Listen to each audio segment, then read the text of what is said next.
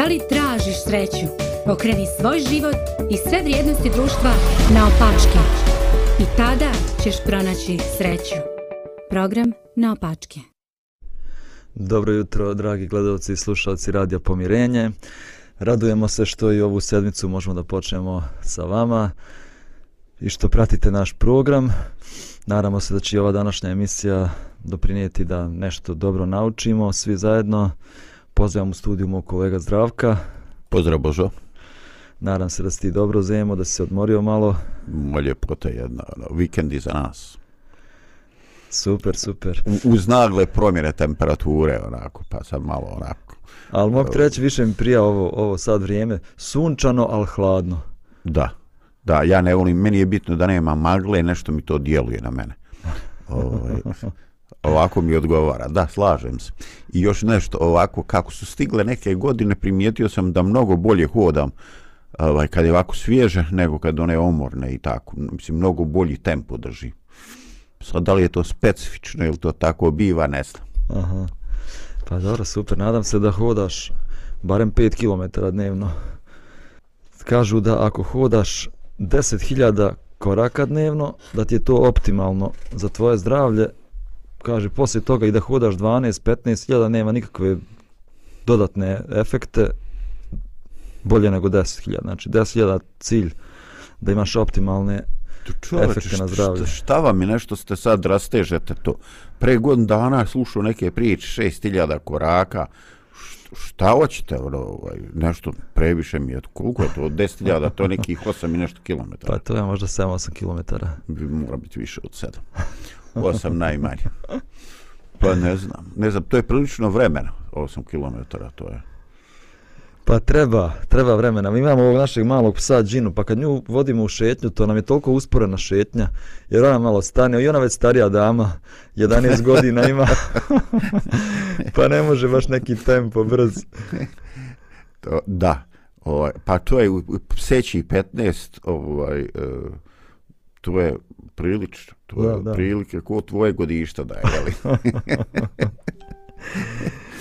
da, da, da. A, dobro, evo danas želim da započnemo jednu temu o kojoj možemo da razmišljamo pa narednih nekoliko emisija ovog programa na opačke. To je jedan biblijski izvještaj, meni jako zanimljiv, o Jakovu i njegovim sinovima, a posebno jednom sinu koji se zvao Josif.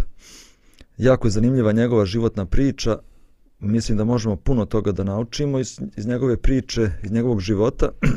Ali možda na početku da pročitamo prvih nekoliko stihova iz tog 37. poglavlja prve knjige Mojsijeve, koji kaže ovako. Josif je živio u zemlji gdje je njegov otac živio kao stranac, u zemlji Hananskoj. Ovo je izvještaj o Jakovljevoj porodici.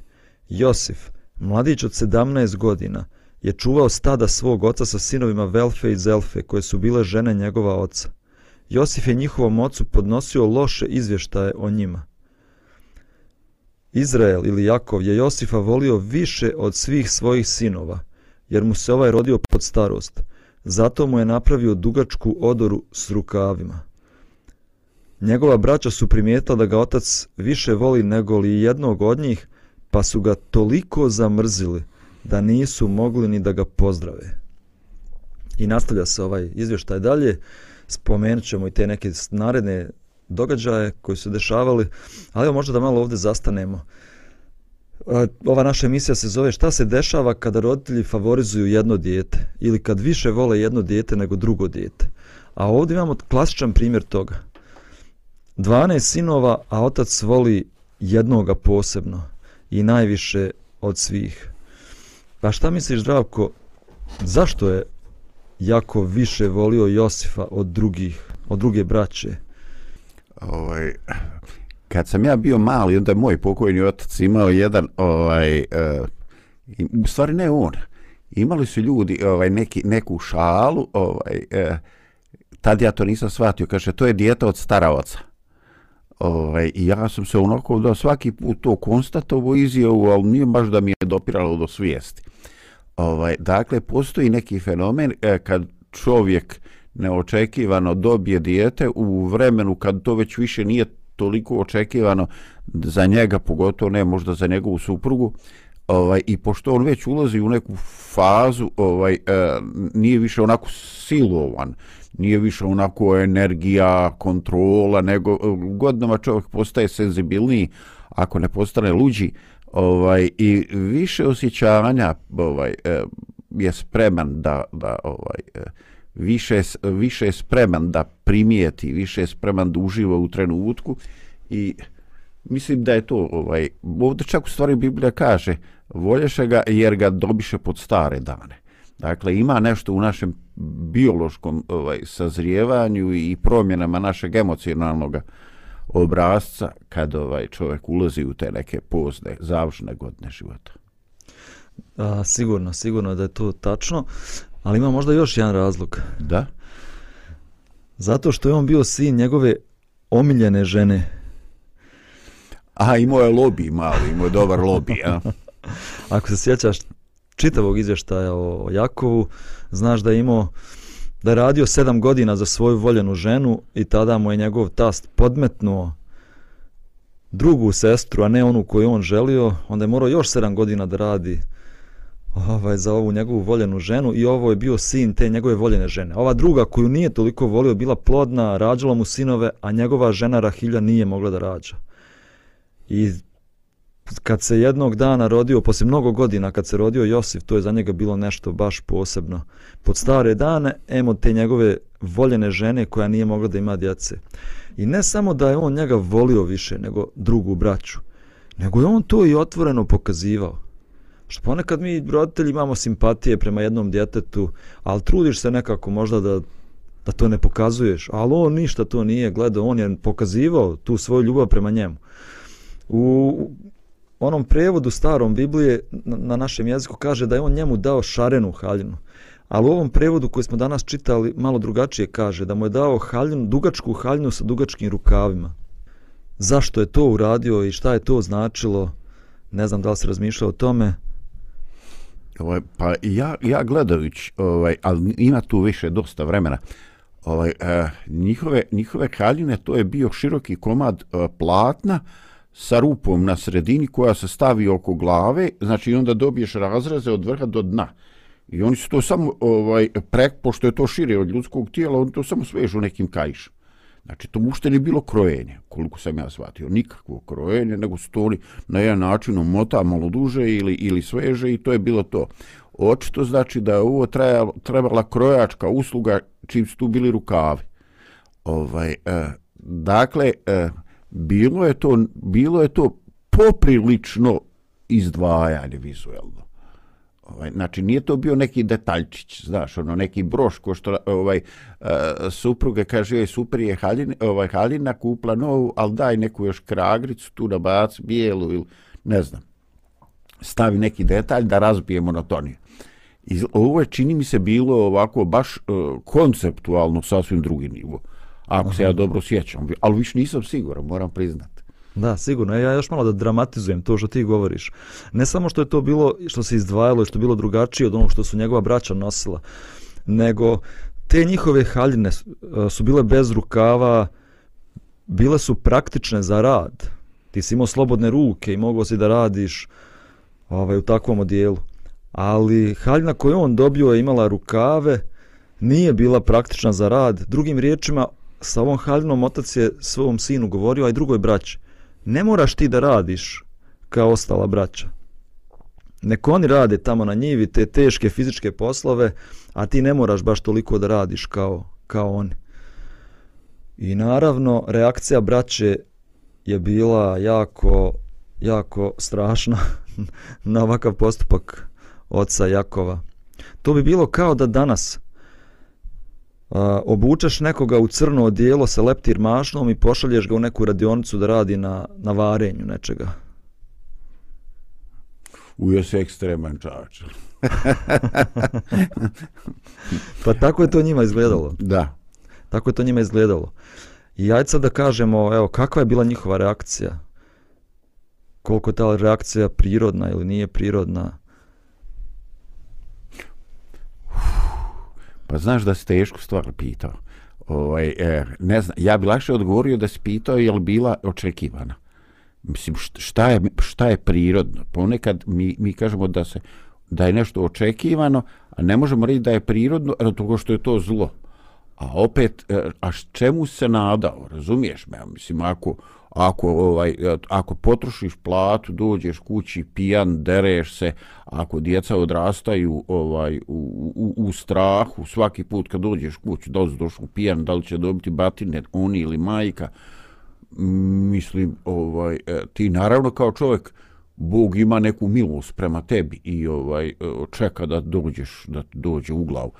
Ali ovaj e, postoji neke prirodno nešto što ti možeš očekivati. Dakle, ne možeš ti očekivati sad neku posebnu emociju od te djece. Tako da, ovaj, ne znam, mislim da je to, ovaj, i ne nemojmo zaboraviti da je, da je on ipak bio, bez obzira ako su imali dvije majke, da on ipak bio otac i jednima i drugim. I mislim, mislim da je to stvarno bilo malo, ovaj, malo previše. E, mene fa fascinira da kaže oni nisu prestali ga pozdravljati. Ovaj, znači da ta netrpeljivost e sad i- Da su prestali sad, da ga Da, nisu mogli ni da. pozdraviti. Ali čekaj, ali da li on, da li to nije dolazilo djedu do, do, djedu, ocu do svijesti, ili on nije mari, ili on mislio da drži stvari pod kontrolom. Meni je to baš fenomen. Ono, nemam odgovor, ne znam, je i ti imaš ti neke utiske. Da, da. Razumiješ, jel vidiš da, je, da je nije dobro? Mislim, ti ne primijetiš kad... Definitivno, definitivno kad čitam ovaj događaj stičem utisak da je Jakov bio pasivan otac, da je bio slijep za dešavanja u porodici. A evo, malo ćemo kasnije Da. više o tome govoriti. Ali ovdje vidimo reakciju, da, nismo ni to spomenuli. Znači, on je bio, Josif je bio miljenik svog oca i on je osjećao da je on miljenik. I on dolazi ocu, donosi loše glase o svojoj braći. To nismo spomenuli. Da, cinkar, cinkar, roš. Cinkari svoju braću pred ocem, Sram znači prvo bilo. to je njima bilo, ej, čoveče, pa ti si jedan od nas, ti sad tu nas cinkariš, em si mlađi od nas, cinkariš, a onda kad je još dobio tu haljinu od oca Dobio nagradu za cinkare. za cinkarenje, dobio A nagrade, ne mora da radi toliko nema naporno. tebe ko nalupati, Josipe, nema. I ova braća, znači, škrguću zubima na njega, mrze ga, ne mogu da ga pozdrave, ne mogu da ga smisle uopšte. Evo ovo nam samo govori šta se dešava u porodici kad roditelji favorizuju jedno dijete. Možda i ne primjećuju, kao što Nijakov nije primjećivao, strašnu mržnju koja se pojavila kod braće, netrpeljivost do te mjere da ne mogu ni da pričaju s njim. Pa ajde napravit ćemo malu pauzu. Zapričali smo se, U- u- ovaj, Jesmo, jesmo, priznajem. pa ćemo nastaviti.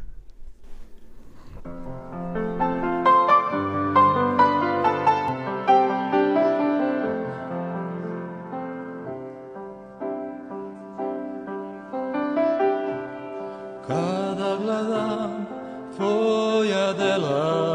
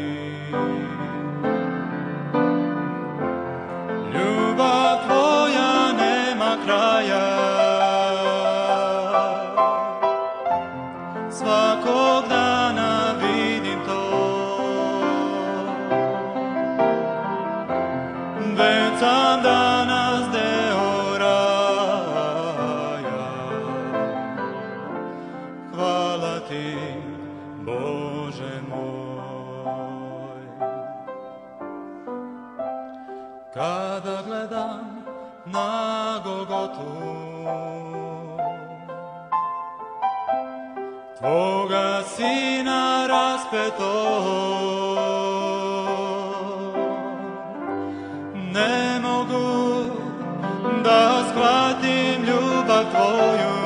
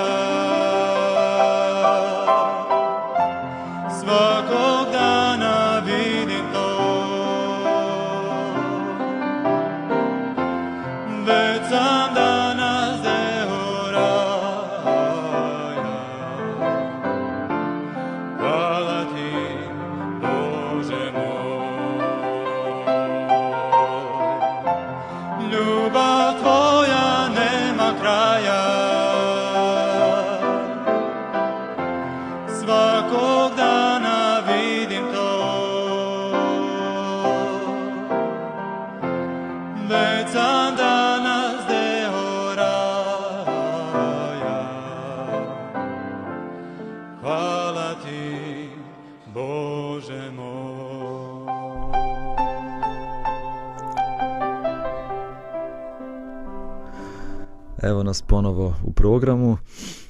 Razgovaramo, moj drug Zemo i ja danas o... Evo sad ste čuli i nadimak. Cinkario me u javnosti. Dobro, ajde. Okay. Razgovaramo mi danas o roditeljima koji favorizuju svoju djecu.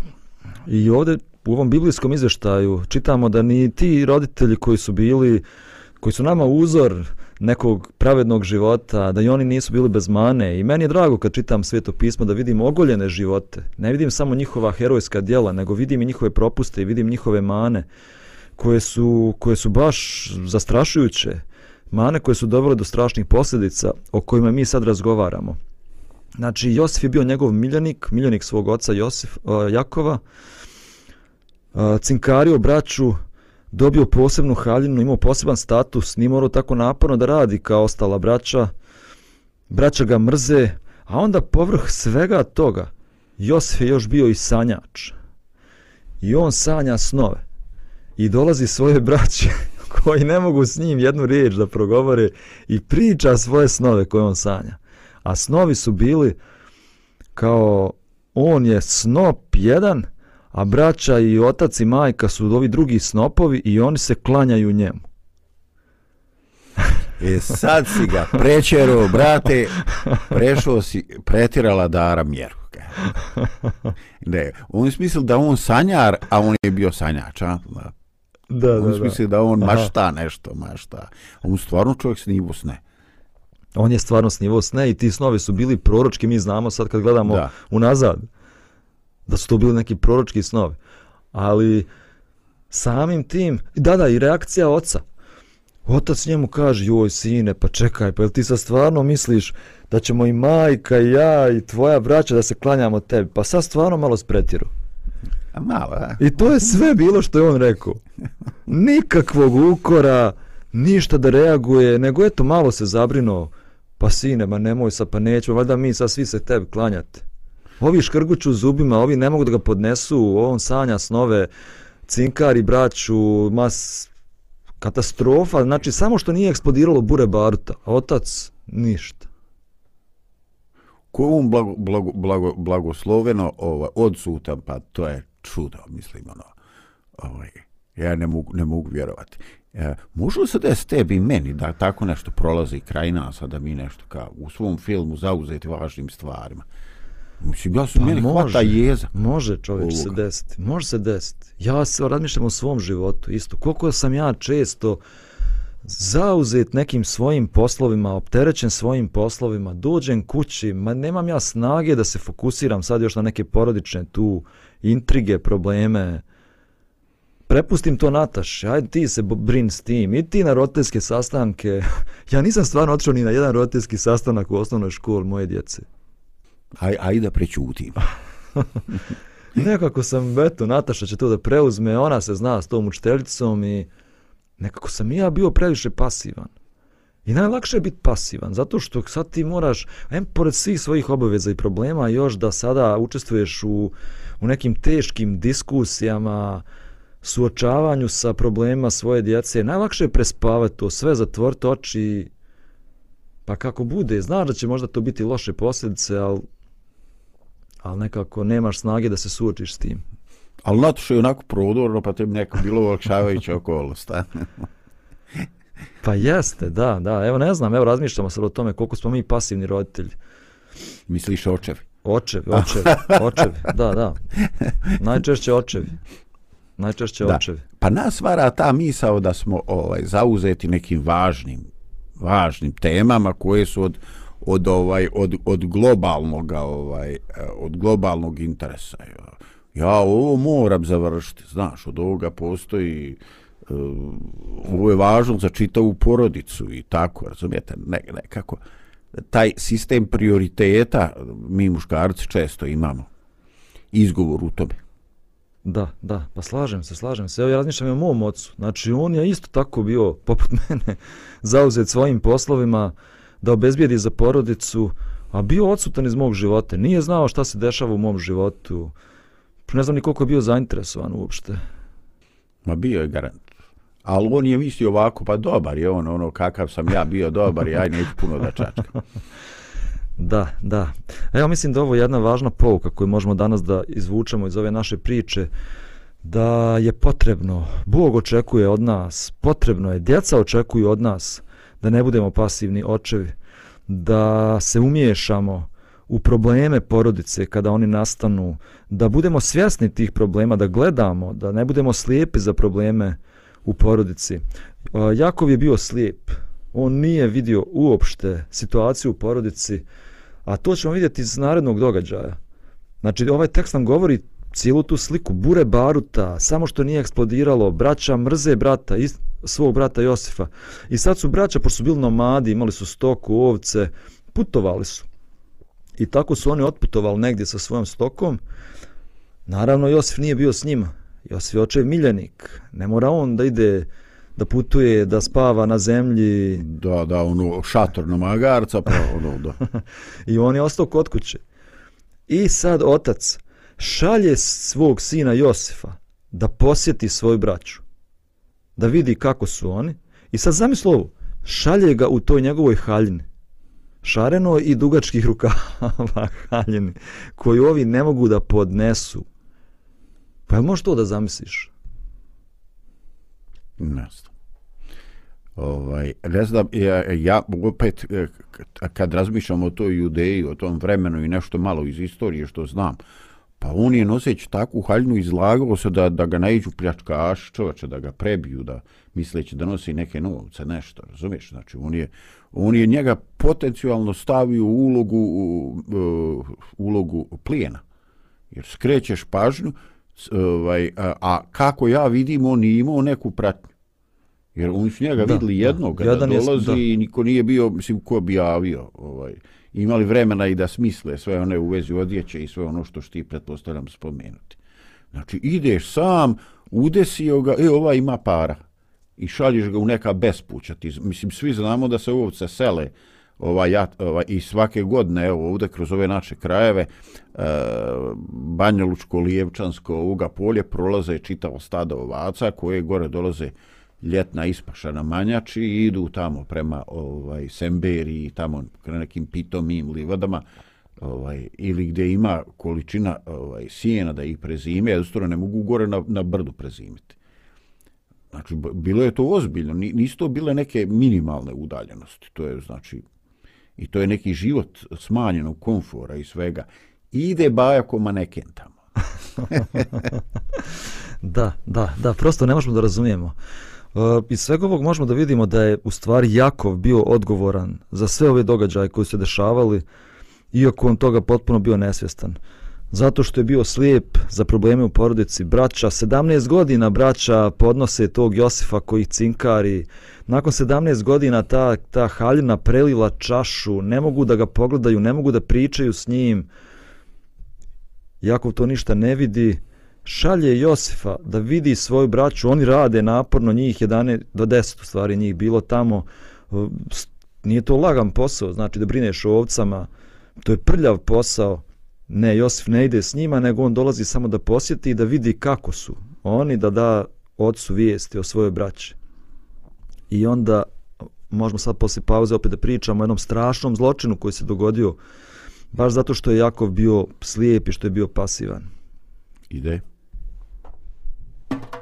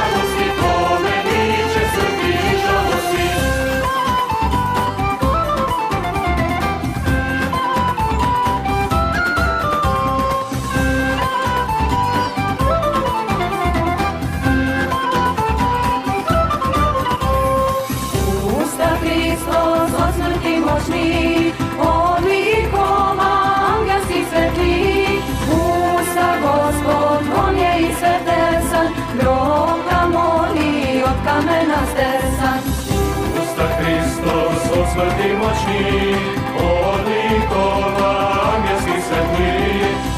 Usta Gospod, kom je i svetesan, roka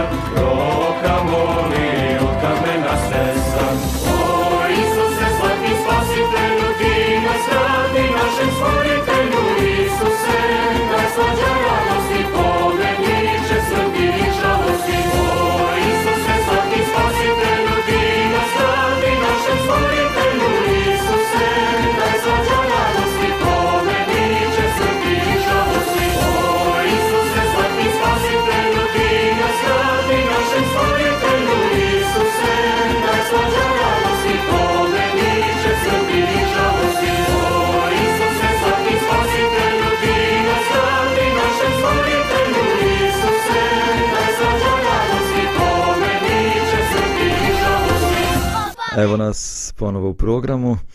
Razgovaramo o temi roditelja koji favorizuju neku od djece, vole više jedno dijete od drugoga. Kakve to može imati posljedice na odnose u porodice, na odnose među tom djecom. Možemo to da vidimo tako jasno u ovom izvještaju o kome smo razgovarali, o kome razgovaramo. E, Jakov šalje svog omiljenog sina Josifa da posjeti svoju braću, šalje ga u tom njegovom smokingom dijelu, kako bismo mi danas rekli. I on ide, ne znamo ni koliko je dugo hodao, raspitivao se gdje su braća, saznao gdje su braća, dolazi tamo. Kad su oni njega vidjeli, znači, oni su jednostavno škrgutali zubima. Iz daljine su ga vidjeli. Da, da, iz daljine su ga vidjeli u tom njegovom odijelu. Šarenio se, šarenio se, pa je bio primjet, primjetljiv da bar nije imao to odijelo, nego to odijelo koje im je toliko govorilo da otac voli više njega nego, nego njih. Uh, I kaže tekst, on dolazi kod njih, oni, oni toliko mrze ga da žele da ga ubiju. Kaže, prva stvar koju su radili, skočili na njega i skinuli mu, zderali mu tu haljinu njegovu sa njega. To možda misliš kakva je to mržnja bila? Dočepali se ljudi prilike. Vjerovatno su čekali tu priliku. Ma doćeš ti jednom nama kad ne bude oca. I dočekali priliku i kaže da su tu haljinu s njega svukli, prosto htjeli da ga ubiju.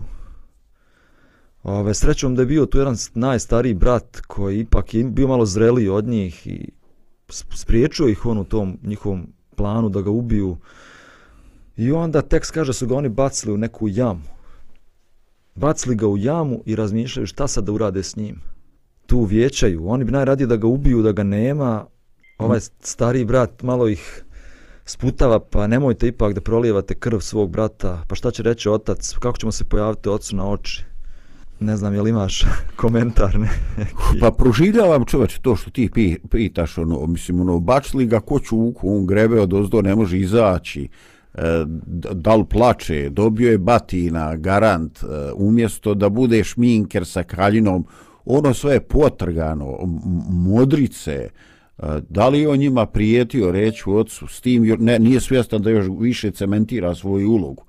Ovaj, ja ne znam, ja, ja ož, pokušavam oživjeti to, a znam da to ništa ne mora biti autentično, znaš, jer ovaj, sveto pismo neki put je škrto u tim nekim detaljima i onda ovaj, e, vjerovatno je to razlog zašto zašto nije snimljen mnogo veći broj filmova, jer ti ovaj da bi da bi dobdao toga mesa, toga scenarija, ti onda moraš da daš akcenat na neki aspekt toga, moraš da spe, špekulišeš i tako. Ovaj, ali vjerujem da postoji razlog zašto je to tako kako jeste. Ovaj, u, u svakom slučaju, e, on se mora osjećati loše. Dobiješ batina, omiljena, omiljeni ovaj e, odjeća ti tvoja ovaj u, u kojoj se toliko loše osjećao no znaš nemaš uh, ovi te ne vole braća tvoja e, vjerovatno je tu postojala i, i ta neka generacijska razlika ovaj jer e, ja sam imao priliku da vidim da e, kad je razlika u godinama više u četiri godine onda se ovaj recimo ona starija djeca e, radije druže sa e, sa drugom djecom istog godišta. Pa čak su to, neka su to i neki Stričević, nego sa rođenim bratom koji je eto, mlađi 4-5 godina. I ovaj, imam živi primjer ovaj, da to ta mlađa djeca ovaj, prilično dramatično doživljavaju. Znači, oni su svjesni razloga da to nije nedostatak ljubavi, nego da je to on jednostavno mlađi, ali šta ja mogu što sam mlađi? Eto, ja bih htio da idem s vama, ovaj, ne moram da budem vođa, ovaj, ali htio bi da, da idem s vama. Ovaj, tako da, e, ne znam Božo, kaže, kažem, dramatično je s jedne strane, a sa druge strane ja se, ja se suzdržavam ovaj, da, da nešto ne špekulišem u tome, ovaj, jer ne, nisam siguran kako je u stvari bilo. Da, ovaj, obično ljudi misle da je Biblija neka dosadna knjiga. Ovaj, ali ne znam kad čitaš kad čitaš ovakve događaje, izvještaje, vidiš da je ovo ko neki, neki najuzbudljiviji film koji možeš da, da gledaš, pa i snimljen je film o Josifu. Tako pozdravljamo i našeg kolegu Milana koji nam se upravo pridružio. Evo ga, u kadru je, u kadru je. Milane, jesi gledao film o Josifu? Nisam.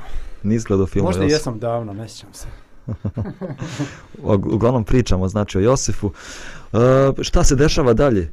Znači, braća tu razgovaraju šta da urade s njim, da li da ga ubiju, ne ubiju, Uh, vjerojatno se i oni tu svađaju jedni sa drugima i sa ovim najstarijim bratom koji ne dozvoljava da oni ovaj, završe s Josifom. I u tom momentu nalazi jedan karavan trgovaca tu pored njih. To su bili neki madijani, idu prema Egiptu i oni kažu, pa evo prilike, pa ne moramo da ubijemo našeg brata. Što da mi nosimo krv našeg brata na sebi? Ali ovo je idealno. Prodamo našeg brata njega nema više u našem životu, a mi nismo, nismo krivi za njegovu smrt. I oni tako i rade, dogovorili se tamo s tim ovaj, trgovcima da ga prodaju za 20 srebrnika. Fino, mlad čovjek. No. mlad, pun snage, može da radi. Zanimljiva je ta neka dinamika između braće u tom događaju, ako ne znam da li ste primijetili, ali recimo e, Ruben ili Ruvin pokušava da, da spase Josefa i onda on kao aj, nemoj da, da ga ubijemo, ajde baćemo ga ovu jamu, a onda je on kasnije mislio da ga izbavi iz te, iz te jame. Međutim, očigledno da je bio, nije bio dovoljno, da tako kažem, jak, uticajan u grupu. Uticajan i, i nije imao dovoljno autoritet da, da on to stvarno isprovede u djelo. Ali onda recimo ta, taj prijedlog da ga prodaju kao roba dolazi od jude, koji na neki način ovaj se pokazuje da ima neku ipak lidersku sposobnost u toj grupi braće kad je uspio ostalih 11 da nagovori na tako nešto. I oni prodaju, a, što, to jeste ružna stvar, ali dalje bolje nek da se ga ubili. Je tako? tako da mu na neki način Juda spasio život, možemo uslovno tako reći, i doprinio ostvarenju kasnijih stvari koje je Bog uradio preko, preko Josifa. Da, ali pogledaj, ima tu jedan fenomen. Ovaj, e, ti si ga upravo spomenuo, ali možda prije toga da, ovaj, da, e, da kažem. Ovaj, e, pazi, oni, oni su jednostavno došli do jedne crte kad ne mogu natrag. Znači, vi ste njega prebliko vola, potrgali mu haljnu. Znači, vi ste već pokazali nasilje, čovače. Znači, ne možeš ti na kraj. I ako ga pustiš da ode nazad oca... Ako odeš... Uh, da, šta će znači, biti tek je sad igram.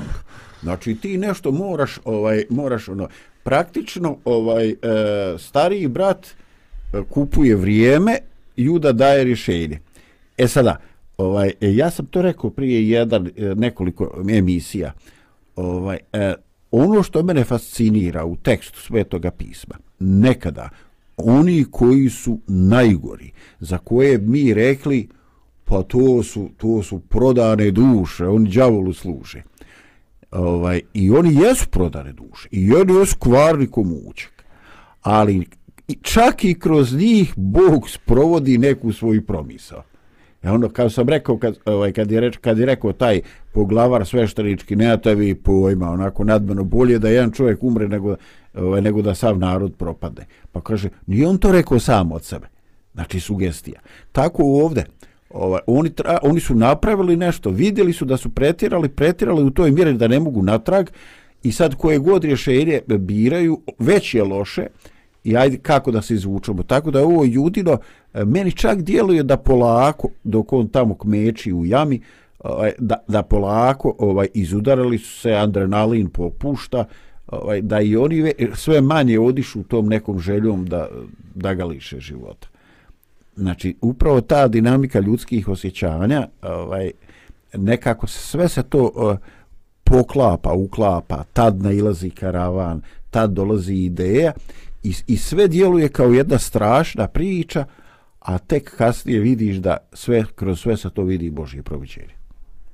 da, ovaj, pa da kažem samo, da ne samo da, da Bog ima neko proviđenje, nego Bog je stalo do svakog čovjeka i on, uh, on radi u životima ljudi, čak i takvih ljudi, vidjet ćemo kasnije da kroz sve kasnije okolnosti kroz koje Bog njih vodi u životu su oni postali drugačiji ljudi, su postali bolji ljudi. Možda i kroz tu savjest koja ih je pekla godinama, kasnije ćemo vidjeti da su oni postali drugačiji ljudi. Mene to oduševljava što Bog ne odustaje od nas kad mi radimo neke loše postupke, već tako vodi do pretvara to loše u ipak u nešto, nešto u motivaciju, u pozitivno da. i ovaj, ali Ali opet ne možemo ni da omalovažimo to što su oni radili. Pa eto, kao nisu htjeli da ga ubiju, pa su našli neko rješenje, prodali ga. Pa zamisliš, prodaš svog brata u ropstvo. Nećeš ga više nikad u životu vidjeti. Otac koji ga voli, koji on njemu cijeli život znači, neće ga više vidjeti u životu. I ti tako hladnokrvno prodaš svog brata u ropstvo. Mislim, ti čitaš taj događaj kao nešto, eto, ajde, možda je to bolje nego, ali meni je to podjednako strašno. Da prodaš svog rođenog brata da bude sluga, da bude rob. Ne znam šta će biti s njim u životu. Uh, ne znam, ne znam, strašno je stvarno. I Josif stvarno nikad više nije se vratio kući. Nje, samo su vratili njegove kosti jedno 100, 400 godina kasnije. Znači, to je zaista imalo ono, utjecaj na njegov život, totalno preminuo njegov život. Ja, definitivno, definitivno. Evo, na početku misli sam rekao da ćemo naredni dana se družimo s Josipom, pa ćemo svemu tome da pričamo. U svakom slučaju, sad oni prodali brata i sad šta sad radimo? kako sad ocu da se pojavimo pred očima i plan opet smišljaju, uzeli njegovu haljinu, umočili u krv jarčiju, i idu kod oca i kažu, evo našli smo haljinu tvog sina. I sad zamislite Josifa, kako je reagovao, kako se osjećao. Mogu da mislim, cijeli život mu se srušio. Ali ono što je zanimljivo meni, jel sjećate se kako je, šta značilo njegovo ime, Jakov? onaj koji hvata za petu. Jakov. Ali Jakov Bog mu dao ime Varalica. On koji je bio Varalica u svom životu, doživio na kraju da njega prevare na takav način. Ali jako bolno. A jako bolno. Ja, jako bolno. Mislim da se sigurno se nije od toga oporavio nikad do kraja života. Ove, nije mogao da podnese smrt svog voljenog, voljenog sina Josifa. A, I onaj, i nekako roditeljima pada lakše imaju neke olakšavajuće okolnosti recimo ako je sad neko umro u nekim godinama poznijim nekako se lakše ipak to podnesi a, a Josif je bukvalno bio tinejdžer znači da. nije ni počeo da živi. Ili ako je ostalo dijete iza njega ili ako je ostalo dijete iza njega iza Josifa nije ostao niko. Ili makar ako ima rođene braće i sestara do duše imao je mlađeg brata jednog. Um, i čak i ako ništa drugo od toga onda makar to eto da se nije patio. A nažalost Jakov nije imao ni tu utjehu, jer je morao da zamišlja kako neka zvijer mu raskida dijete u nekom ta, nekoj tamo poljani, nigde nikoga da ga odbrani i, i na, taj, na, na, na takav strašan način završi svoj život i tako mlad. Mislim, te, to vjerovatno nije moglo da jako nije moglo da prijeđe preko toga jednostavno kao, kao eto, ajde, šta sad idemo dalje. Mislim, to je jednostavno bilo nešto što, što je raskidilo njegovu dušu i što on nije mogao godinama kasnije da preboli. Da, definitivno, ali evo prije što ti došao, mi smo govorili o tome kolika je odgovornost Jakova za sve ove događaje. Ono što posiješ, to neminovno i požanješ. On je bio pasivan otac.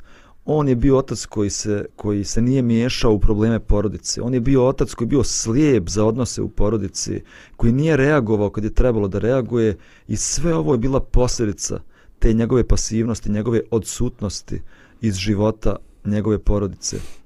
Ono, ne bi se ja bavio svojim poslom, a? To, ono, ono se ste... O, mene ovo što, ovaj, ova slika koju je Milan ovako malo plastično opisao, ovaj, mene je, meni je fascinirajuće.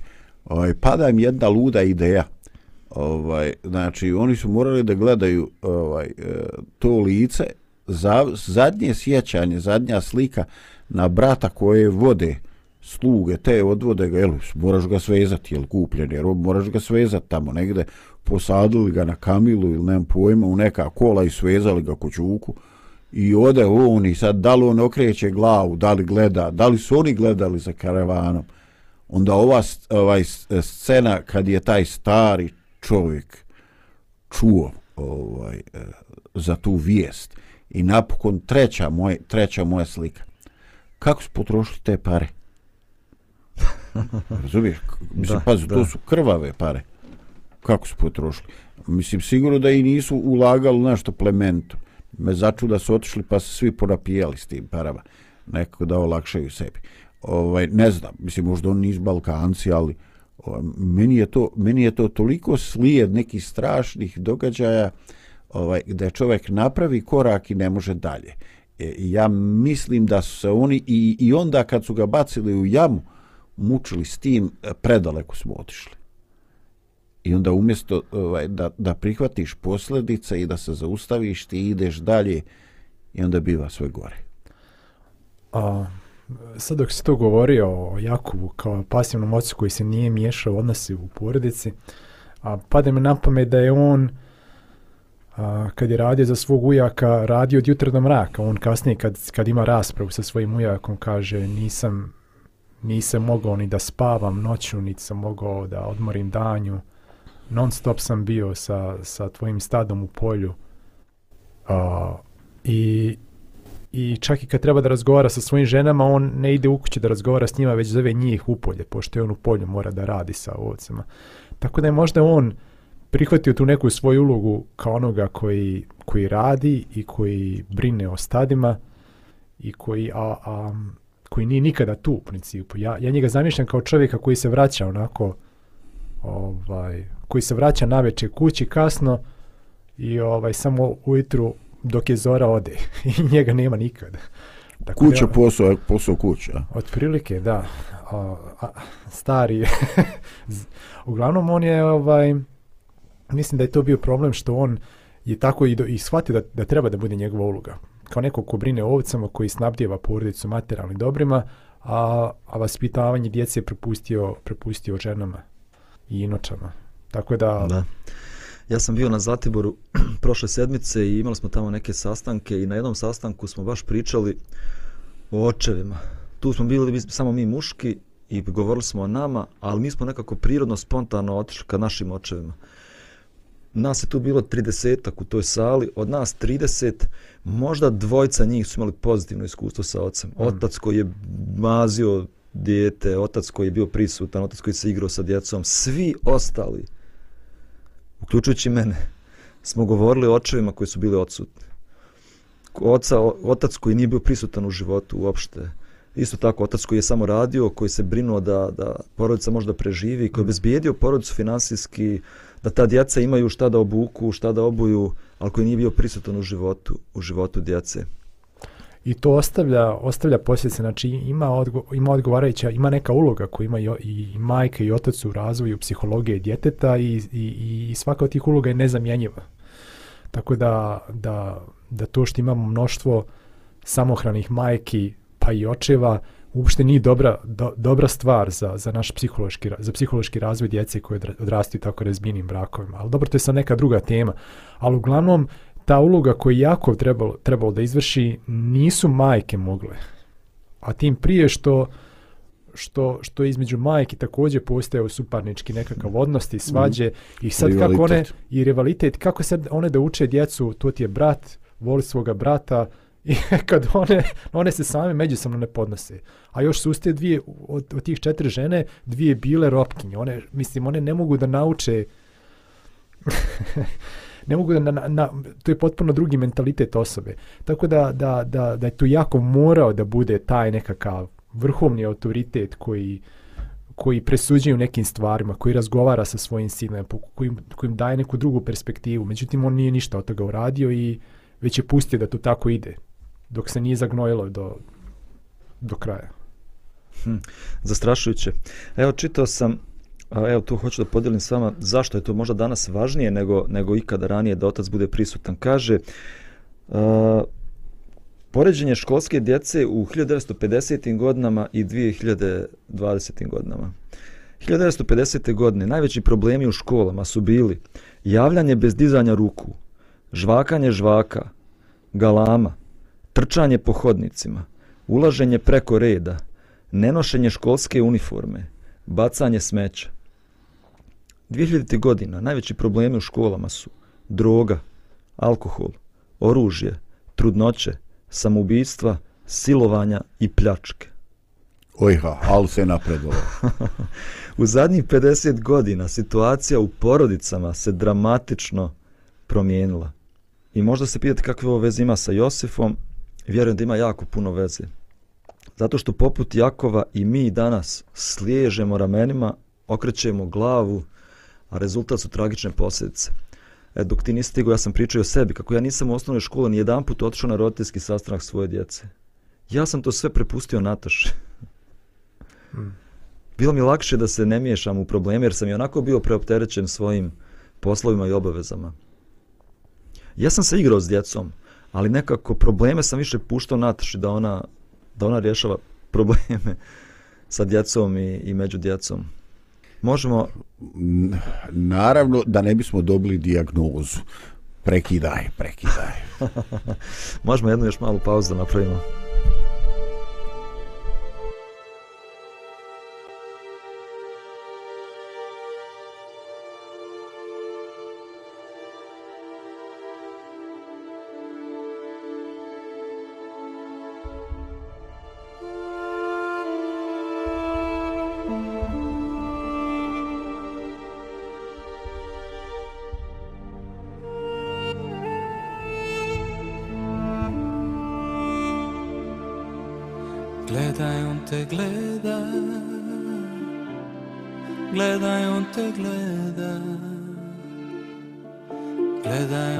Gleda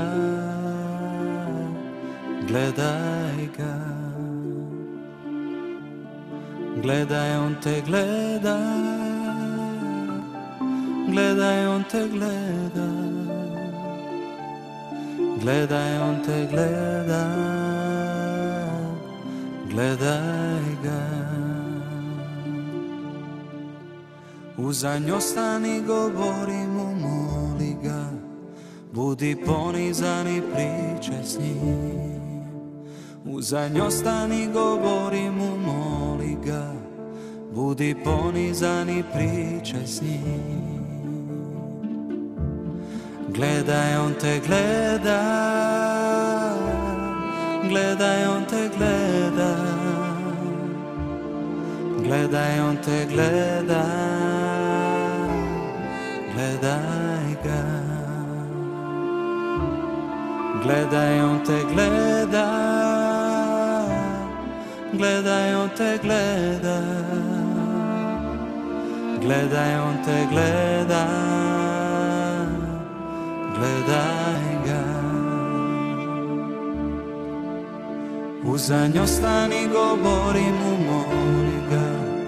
Budi ponizan i pričaj s njim. Uzanj ostani, govori mu, moli ga. Budi ponizan i pričaj s njim. Gledaj, on te gleda. Gledaj, on te gleda.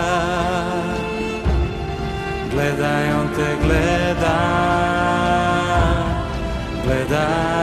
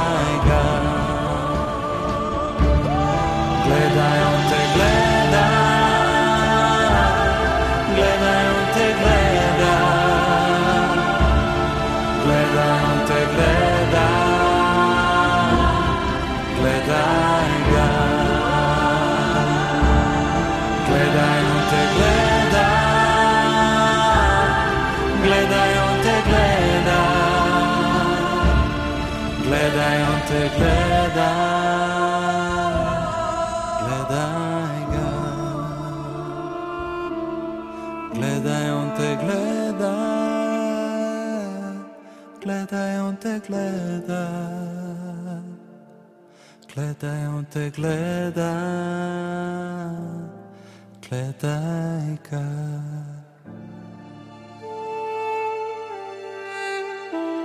Evo nas ponovo u programu, došli smo do finiša, samo kraja ove naše emisije, koja je u stvari početak teme o kojoj ćemo govoriti u ovim emisijama na opačke narednih nekoliko dana. Uh, Josifu, Jakovu, Josifovoj braći, govorili smo o tome koliko je važno da otac ne bude pasivan, da otac se miješa u odnose u porodici, da reaguje, da bude autoritet, A možda na kraju još samo da spomenemo problem zavisti.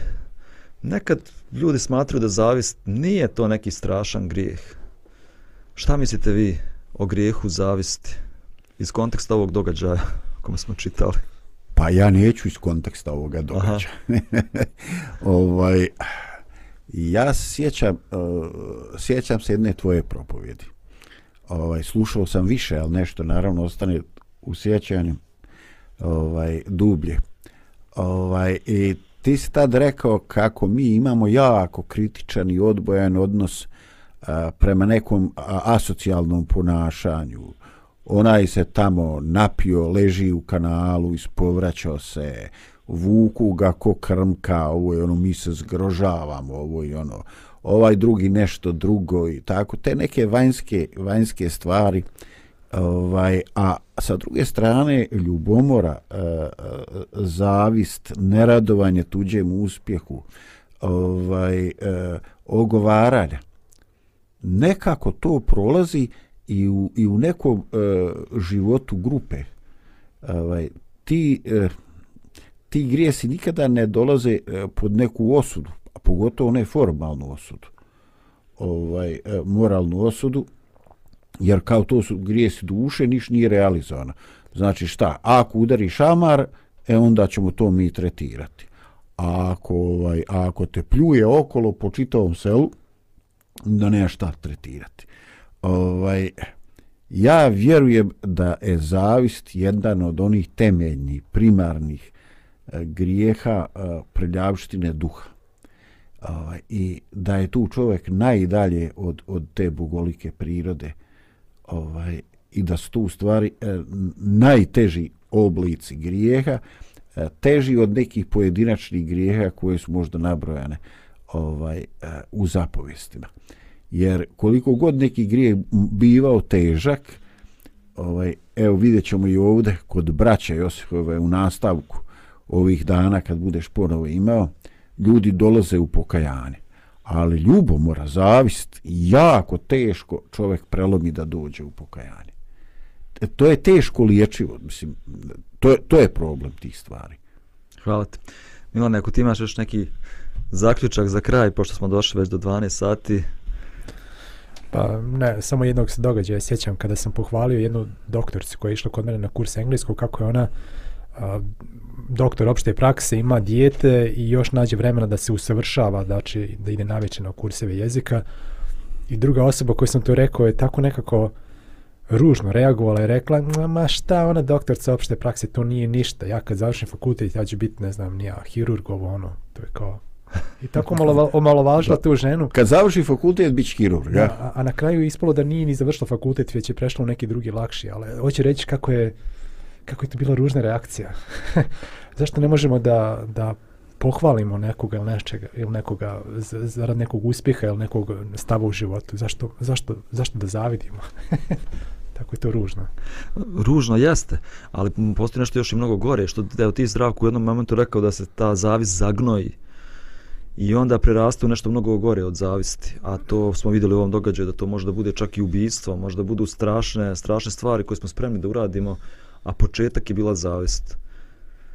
Tako da, eto, razgovarali smo danas o ovim važnim temama, nadamo se da ćemo i mi da primijenimo neke od ovih pouka, da nećemo biti pasivni roditelji, pa iako smo do sada bili, da ćemo barem nešto preduzeti, da malo više se uključimo u život naše porodice, naše djece. Želimo svim našim slušalcima lijep, ugodan dan uz uh, ovu uh, poruku, ali također uz emisije koje slijede. Zdravkova emisija koja 13. počinje u 13 sati. Milane, kad počinjemo s tvojom emisijom? Ove sedmice u 5 sati reći vam sutra dan. Dobro, najavljujemo znači i Milanovu emisiju. Milan, evo ukratko u 10 sekundi, o čemu će biti emisija? A, mnogo se, Biblija je, je naj, n- najviše štampana knjiga u ikada u istoriji i izvršila je ogroman utjecaj na čovečanstvo i danas se preko milijardu ljudi naziva Hristovim stjedbenicima, A međutim, tako, tako je opšte neznanje o toj knjizi koja je toliko utjecala i na čovečanstvo i na nauku i na umjetnost, a da ne govorimo o, o vjeri i religiji, a, a, a današnje a, i to neznanje je proš, prosto neshvatljivo, da u dobu informacije, knjiga i znanja tako malo znamo o, o toj knjizi koja je promijenila živote mnogih. I moja namjera da dam neki doprinos da se to malo promijeni. Znači, uglavnom ići ćemo kroz sveto pismo, kroz evanđelje i objašnjavati i nalaziti također praktičnu primjenu onoga što čitamo. Super. Super, Milane, s nestrpljenjem očekujemo. Lijep pozdrav, slušamo se i gledamo